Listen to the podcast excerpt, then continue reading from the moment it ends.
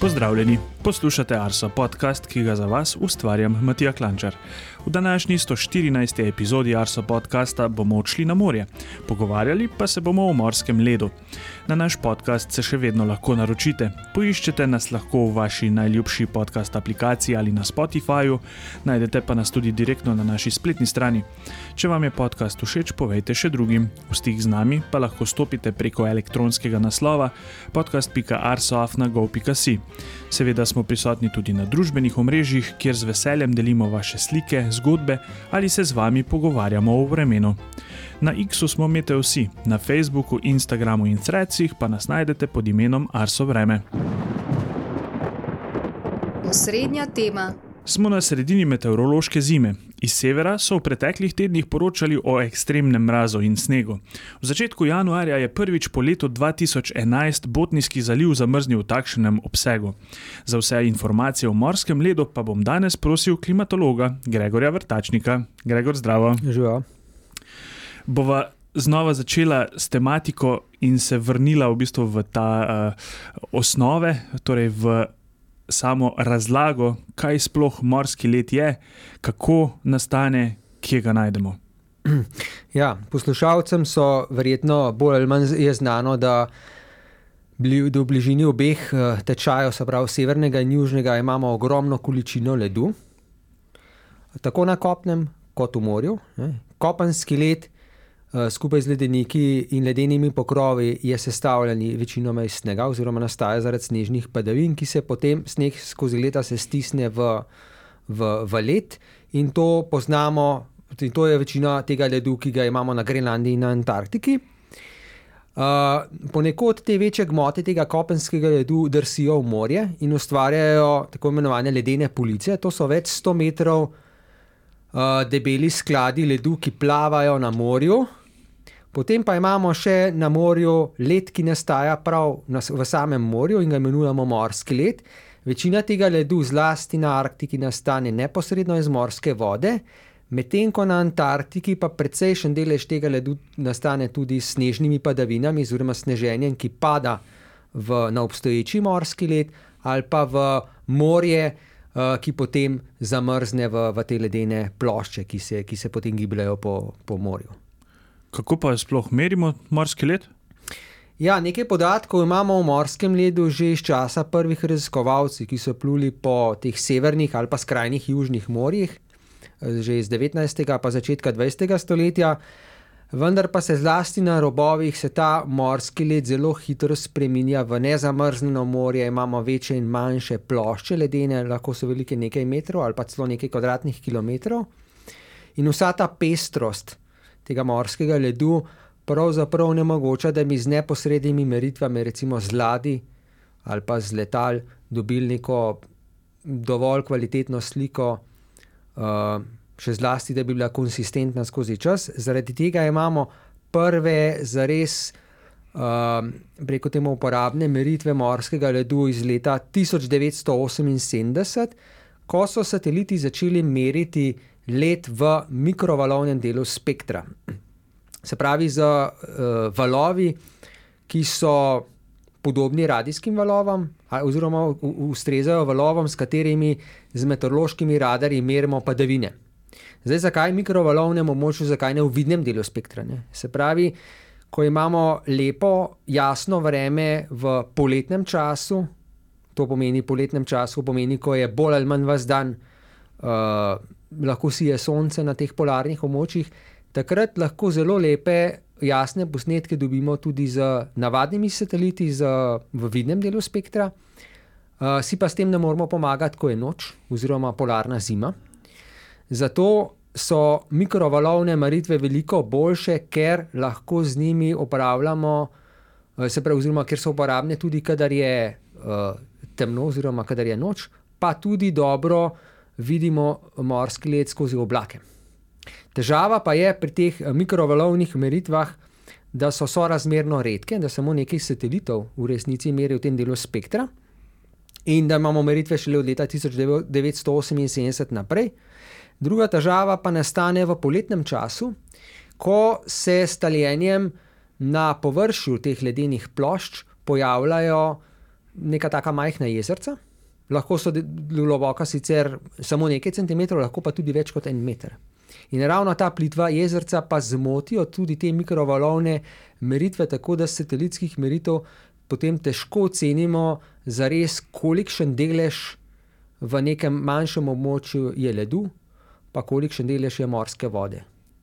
Zaradi tega namesto neposrednih meritev površine morskega ledu raziskovalci večinoma uporabljajo tako imenovani obseg morskega ledu. Ampak to ne obseg v tem strogo matematičnem smislu, se pravi kot obseg kroga, ampak kot uh, površino oziroma vsoto površin uh, osnovnih, uh, recimo temu pikslov, se pravi osnovne ločljivosti uh, satelitov, ki je običajno nekaj kilometrov. Uh, se pravi, preštejemo vse vse te površine, te osnovne površine, uh, kjer koncentracija ledu oziroma pokritost z ledom presega 15 odstotkov. Teh 15 odstotkov je neka empirično določena meja, kjer dobimo najboljšo oziroma najbolj kakovostne podatke. Tako da večinoma pri morskem ledu govorimo o obsegu, to je območju, kjer uh, delež ledu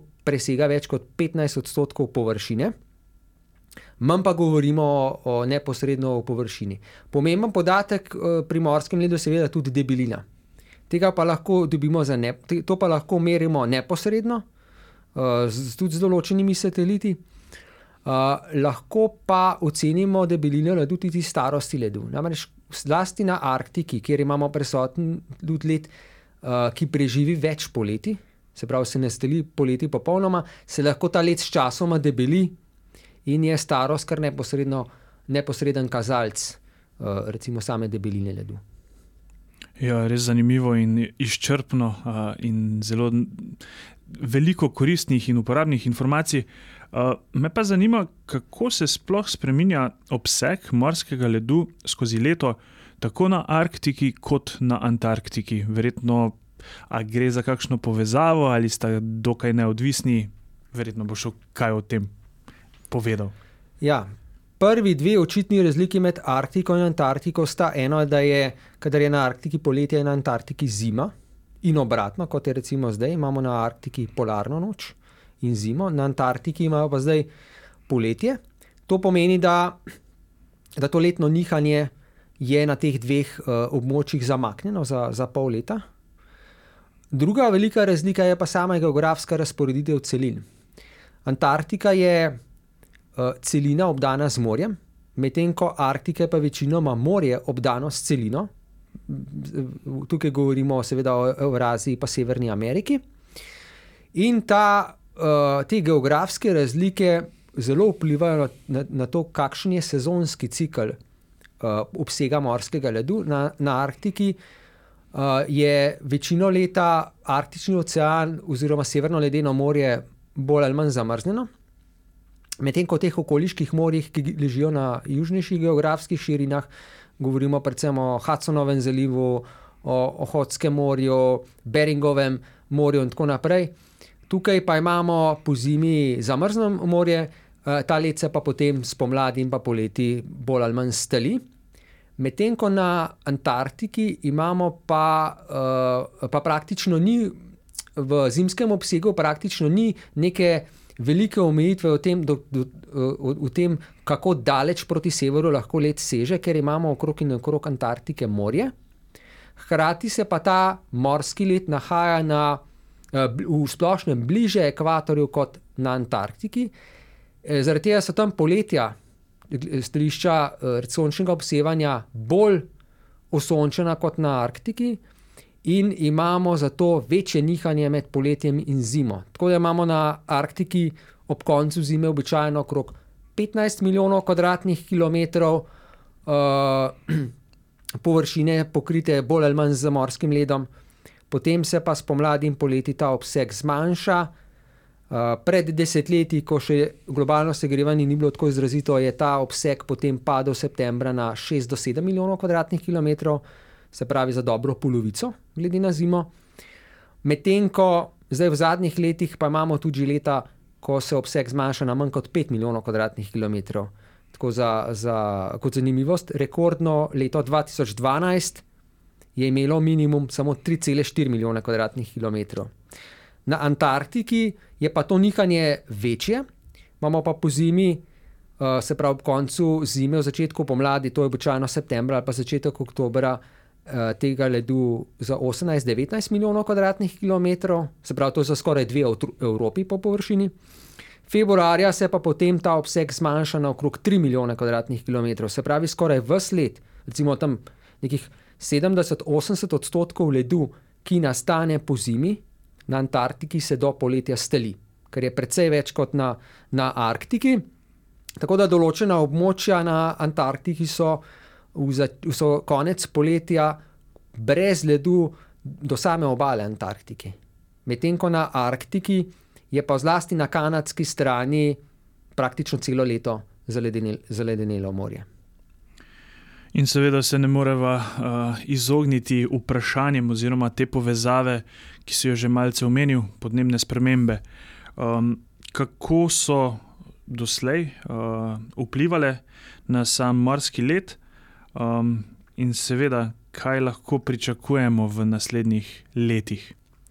Ja, na Arktiki so bile podnebne spremembe zelo očitne, ne samo v morskem ledu, ampak tudi v splošnem segrevanju zrača. To je eno območje, kjer, je, kjer so podnebne spremembe najbolj vidne. In pri morskem ledu, zlasti v poletnem in pa zgodnem jesenskem času, opažamo zelo velik upad v obsegu morskega ledu, ki septembra, ko je dosežen sezonski minimum v, v obsegu morskega ledu, znašajo za zadnjih 45 let okrog 12 odstotkov, oziroma minus 12 odstotkov na desetletje. To je ogromno. Se pravi, v 45 letih se je septembra v povprečju obseg ledu zmanjšal za 3,5 milijona kvadratnih kilometrov. To je za približno, tako da čez palec, za približno šestkratnik površine Francije. Se pravi, to je res kar precejšna razlika. Medtem ko marca, ko je tega ledu uh, vsako sezono največ, je pa ta trend v absolutnih vrednostih nekoliko manjši, v relativni je pa precej manjši, pa znaša približno 2,5 odstotka na desetletje, ne, se pravi, približno 4krat, 5krat manj kot, kot septembra. Uh, je pa bolj kot v samem obsegu ledu, še bolj očiten trend v obsegu starega ledu. Včasih je približno 2 milijona kvadratnih kilometrov Arktičnega oceana pokrival stalen led, ki je bil star 4 in več let. To je bil več metrov debel led, ki ga niti ledolomilci niso mogli prebiti, in tega ledu je zdaj v zadnjih letih praktično ni. Samo še na majhnih območjih kanadskega arhipelaga, kamor se nariva led iz Arktičnega oceana, uh, ustaja ta zelo debel led, medtem ko ostali deli Arktičnega oceana so brez tega zelo starega ledu. No, precej drugačna slika podnebnih sprememb in morskega ledu je pa na Antarktiki, kjer pa se nekateri deli Antarktike pravzaprav temperaturno niso kaj dosti spremenili v zadnjih desetletjih, medtem ko se Antarktični polotok zelo hitro segreva. Pri morskem ledu smo pa imeli zelo zanimivo. Zelo zanimiv časovni potek, saj je namreč nasprotju za Arktiko se je obseg od leta 1979 do 2014 povečeval, kar je nekako v nasprotju z uh, to intuicijo, ki bi narekovala, da se ob globalnem segrevanju seveda količina ledu zmanjšuje. No, potem pa se je po letu 2014 v enem oziroma dveh letih ta obseg zelo zmanjšal za približno 5 milijonov kvadratnih kilometrov in od takrat naprej do do, praktično do danes ustraja na eh, podpovprečnih vrednostih za celotno obdobje.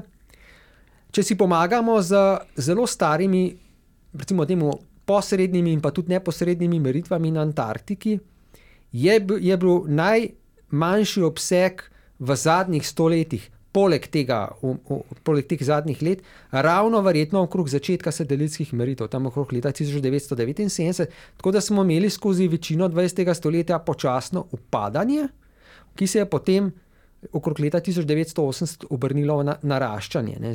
Od tod tudi verjetno uh, to nelogično nelogičen trend tega povečevanja morskega ledu v, v večjem delu teh satelitskih meritev.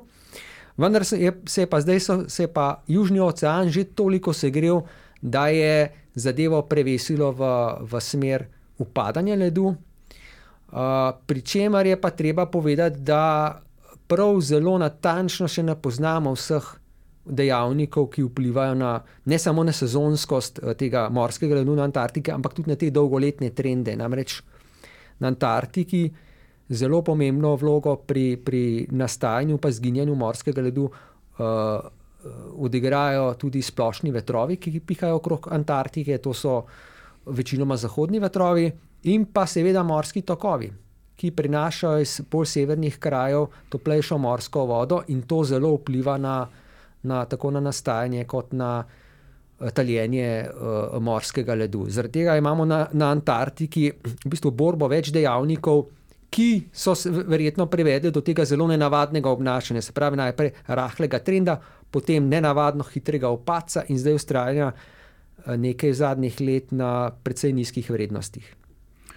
Morda čisto malce nepovezano vprašanje, pa vseeno, um, ki se mi je sedaj pojavilo. Um, na Antarktiki, kot poznava, uh, imamo tudi največjo puščavo na svetu. Tako je. Um, in me zanima, da glede teh tudi podnebnih sprememb, ali se je mogoče sama vremenska situacija tam že spremenila, da bi mogoče kaj vplivalo na samo puščavo, na izginjanje, morda tako kot jih uh, gledamo iz vem, uh, povečevanja puščave, recimo v Sahari, kako ja. je pa recimo na Antarktiki. Ja, če vzamemo mejo za puščavo, meteorološko mejo za puščavo, ki je 250 mm padavin na leto, potem se na Antarktiki verjetno ta puščava oziroma območje z manj kot 250 mm padavin na leto verjetno zmanjšuje, saj se zaradi vse toplejših morij količina padavin počasi povečuje. In zaradi tega nekateri deli Antarktike pridobivajo na masi, tam se ledeni pokrov debeli, spet drugot pa začenja prelevati taljenje. Zato imamo verjetno negativno masno bilanco na Antarktiki, kljub vsemu, tudi zaradi tega, ker se določene ledene police na Antarktiki kar hitro lomijo. Se, se spomnimo te ledene police Larsen B, ki je zginila pred nekaj leti. Uh, in razpad teh ledenih polic pospešuje drsenje uh, ledenikov v morje in s tem k zmanjševanju oziroma odvajanju te lede, ledene mase. Uh, sama, sama celina na Antarktiki se pa, se pravi, večji del celine se pa zaenkrat še ne odziva zelo na spremenjene, spremenjeno osebnost toplogrednih plinov v zraku, tako kot recimo Arktika, ker je. Ker pomembno vlogo tudi igrajo splošno kroženje v ozračju, namreč zaradi globalnega segrevanja, oziroma ne, zaradi večje koncentracije oglikovega dioksida in pa ozonske luknje, ki je prisotna v, nad, nad Antarktiko že kar nekaj desetletij, so se ti splošni zahodni vetrovi okrepili. In ta okrepitev zahodnih vetrov.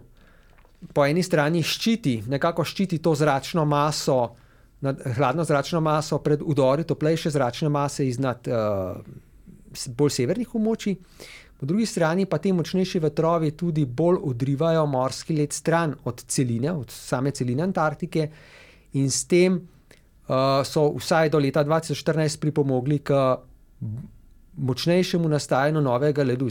Saj je namreč zrak na Antarktiki tako mrzel, da vsaka nezamrznjen del morja blizu Antarktike v, v Arkti, antarktični zimi kar hitro zamrzne. No? V mesecu januarju so še vedno aktualni razni uh, poročila okrog tega, kakšno je bilo preteklo leto. Uh, v preteklem tednu so tudi uh, v Evropi, oziroma so izdali uh, projekt Kopernikus uh, je izdal v bistvu tudi poročilo okrog tega, kakšno je bilo dogajanje um, z samim morskim ledom. Um, pa me zanima, imaš pripravljen tudi, ali pa ne, verjamem, da imaš pripravljen tudi kakšen rekord, kakšno posebnost iz lanskega leta. Ja, če smo pred leti se zelo veliko govorili od Arktike in rekordov v najmanjšem obsegu morskega ledu je pa lani Antarktika povsem zasenčila Arktiko, namreč leto na Antarktiki je bilo najbolj izjemno doslej. Večin, večji del leta tako malo morskega ledu kot lani na Antarktiki še nismo izmerili. Tako da smo imeli rekord tako ob sezonskem višku ki je bil septembra, kot ob sezonskem minimumu februarja. 21. februarja je bil obseg morskega ledu samo 1,8 milijona kvadratnih kilometrov, kar je bil precej manj od dozdajšnjega rekorda. No, še večji odklon je bil pa potem v uh, meteorološki zimi, uh, pa začetku meteorološke pomladi na Antarktiki. 10. septembra je bil obseg morskega ledu uh, maksimalen, se pravi lansko sezono, in je znašal 17 milijonov kvadratnih kilometrov, kar je za cel milijon kvadratnih kilometrov manj od rekorda v vsem obdobju od leta 1979 naprej. Uh, se je pa v zadnjem času, v zadnjih tednih, se je pa ta odklon od dolgoletnih razmer pa precej zmanjšal, tako da od, recimo, od konca decembra ali pa od sredine decembra pa do, zdaj, do začetka januarja te razmere na Antarktiki niso več tako ekstremne. No, če omenimo še Arktiko, da ne pozabimo čisto, uh, lani peti najmanjši obseg ob maksimumu, to je v marcu, in pa šesti najmanjši uh, ob minimumu, ki nastopi septembra. Tako da, glede na to, da imamo na Arktiki izrazit trend zmanjšanja obsega, to peto in šesto mesto nista bili nič posebnega. No. Uh -huh. uh, pa približujeva se k koncu, pa greva spet nazaj na podnebne spremembe. Um, glede na trend, uh, pričakujemo verjetno poletje, ko bo Arktika skoraj ali pa povsem brez morskega ledu. In kaj vse to skupaj, na kaj ima vse to vpliv? Ker verjetno je povezanih ogromno stvari, od gospodarstva, transporta in še kaj. Ja. O, kot prvo, samo izginjanje morskega ledu na Arktiki pomembno vpliva na podnebje praktično na celi Zemlji.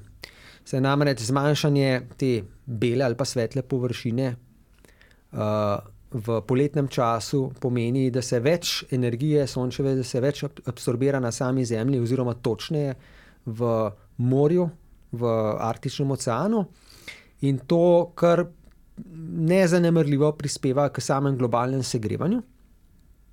Eh, kot drugo, je pa zmanjšanje obsega in pa tudi debeline morskega ledu na Arktiki pomembno za nekatere živalske vrste, ki ne recimo za severne medvede, ki ne morejo več tako loviti iz samih ledenih plošč, kot so nekoč. Namreč se je zdaj to kar precej spremenilo.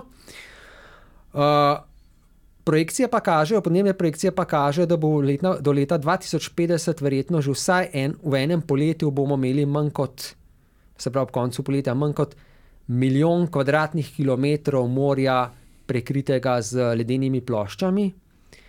Uh, in to bo pomemben mejnik, se bo. Se lahko potem govorimo o praktično uh, Arktičnem oceanu brez ledu, se pravi, ko je, ko je tega v sezoni najmanj. Uh, in s tem, ko bo skoraj vse morje na Arktiki nezamrznjeno, recimo nekaj tednov, bo to zelo povečalo morski promet prek tako imenovane severne poti iz Evrope, eh, potem severno od Rusije, oziroma med Rusijo in Kanado proti Daljnemu vzhodu, se pravi proti Kitajski in Japonski. Eh, in ta morska pot je precej krajša od klasične morske poti, ki vodi iz Evrope, Evrope prek Sueškega eh, prekopa, potem po južnih obalah Azije, recimo do Kitajske pa Japonske.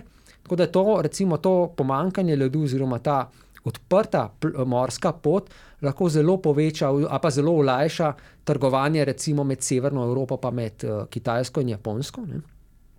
Pridejo pa tukaj s tem pomankanjem ledu lahko tudi geopolitične težave, ker poleg tega ladijskega prometa se odprejo možnosti tudi za izkoriščanje rudnih bogatstv, pa črpanje nafte. Namreč zdaj črpanje nafte v Arktičnem oceanu precej problematično, zaradi tega, ker za razliko od naftnih vrtin v Norveškem morju, kjer je ledenih, pač kjer je ledu ni ali pa ga je zelo malo. Je uh, sama postavljanje infrastrukture na območju na morju, ki po zimi zamrzle, problematično, ker se potem z morskimi tokovi, pa z vetrom, večji ali manjši kosi ledu zaletavajo v samo ogorodje te naftne vrtine, uh, In eh, to seveda zelo podraži projekt, če hočemo narediti nekaj, neko robustno, uh, tole naftno ploščad. Uh, če bo pa tega ledu manj, pa če bo tanjše, bo pa seveda se lahko tudi povečal apetit določenih držav po izkoriščanju recimo te uh, nafte, ki se nahaja v, v, samih, uh, pod samim morjem v, v Arktičnem oceanu. Imamo pa verjetno tukaj še tudi kakšne druga. Druge rodnine, ki bi s tem recimo, postale dostopne, in zaradi, zaradi tega že prihaja do določenih trenj med državami, ki si lastijo dela Arktičnega oceana, oziroma kjer še ni čisto jasno, kje poteka meja, recimo ta morska meja med posameznimi državami, recimo med Združenimi državami Amerike, pa Rusijo, pa Kanado in Rusijo, Norveško in Rusijo in tako naprej. Tako da lahko to kar privede do, do kakšnih teh političnih konfliktov. No, za konec pa lahko še omenim, da ta morski led um, vpliva tudi na splošne vetrove, na, na severnih, zmernih in visokih severnih geografskih širinah, kar, kamor sodi tudi Slovenija. In sicer s tem, da zmanjšanje morskega ledu pomeni hitrejše segrevanje Arktike. Hitrejše segrevanje Arktike pomeni, da se zmanjšuje temperaturna razlika med uh, polarnimi območji na severu in med ekvatorjem. In to načeloma naj bi upočasnilo te splošne zahodne vetrove, ki pihajo uh, nad nami, in ta oslabitev zahodnih vetrov ne bi privedla do večje amplitude tega valovanja in s tem bolj izrazitih ali pa pogostejših udorov tako hladnega zraka z severa kot toplega zraka iznad uh, južnih delov proti, proti Arktiki, se pravi večje, večjo uh, nihanje v, v, oziroma večjo spremljivost vremena. So pa nedavne raziskave pokazale, da je zadeva ni tako enostavna, in da je potrebno upoštevati tudi nekatere druge spremembe, recimo spremembe v nasičenosti ozračja z vodno paro. Namreč vse v toplejšem ozračju postaja tudi ozračje nekoliko redkejše, tako da uh, del te spremembe v temperaturni razliki med ekvatorjem in polom, vsaj del Eh, lahko ublaži tudi razlika v, oziroma spremembe količine vodne opare v zraku, in na koncu lahko celo pridemo paradoksalno do močnejših zahodnih vetrov na določenih višinah in pa na določenih delih Zemlje. Tako da to je zimo, ta vpliv morskega ledu na Arktiki na, na splošno uh, vremensko dogajanje, recimo nad Severno Ameriko, Evropo in Azijo, je kar predmet kar uh, številnih in temeljitih raziskav. Tukaj je še, več, še vedno več vprašanj kot odgovorov. Ja, zagotovo bomo tudi to področje spremljali uh, z zanimanjem v prihodnje. Uh, čisto za zaključek, eno kratko vprašanje. Si imel kdaj željo uh, te razmere na Arktiki ali pa na Antarktiki doživeti v živo? Ja, mogoče ne bi bilo slabo, je pa težava, ker so to prvič precej oddaljeni kraj, ne, se pravi, kar nekaj časa potrebno, da bi se pripeljal recimo do teh ledenih plošč. Druga težava so pa seveda finance. Namreč ta potovanja na skrajni sever, še bolj recimo pa na Antarktiko, niso ravno poceni. To ni, to ni poletno dopustovanje na Hrvaškem. Ja, res je. Morda tukaj za tiste, ki jih, to dogajanje, sploh na Antarktiki, tudi bolj zanima. Obstajajo raziskovalci, ki svoje uh, raziskovanje in uh, dojemanje in pa dogajanje na Antarktiki kar lepo posnamejo in potem tudi delijo z vsemi sledilci na družbenih omrežjih. Tako da pobrskajte malo po, po spletu, se marsikaj zelo zanimivega najde. Uh, mislim, da sva. Uh, z najnim pogovorom prišla lepo, zaokrožila sva celotno področje, kar dosti podrobno, eh, veliko izjemno zanimivih, koristnih informacij. Hvala, Gregor, za tvoj čas, eh, za, za tale pogovor, pa seveda do prihodnič. Ja, hvala tudi tebi za vabilo. Najlepša hvala pa tudi vam, drage poslušalke in poslušalci. Če vam je bila epizoda všeč, nam pustite kakšen komentar. Želim vam veliko lepega vremena in se slišimo čez 14 dni.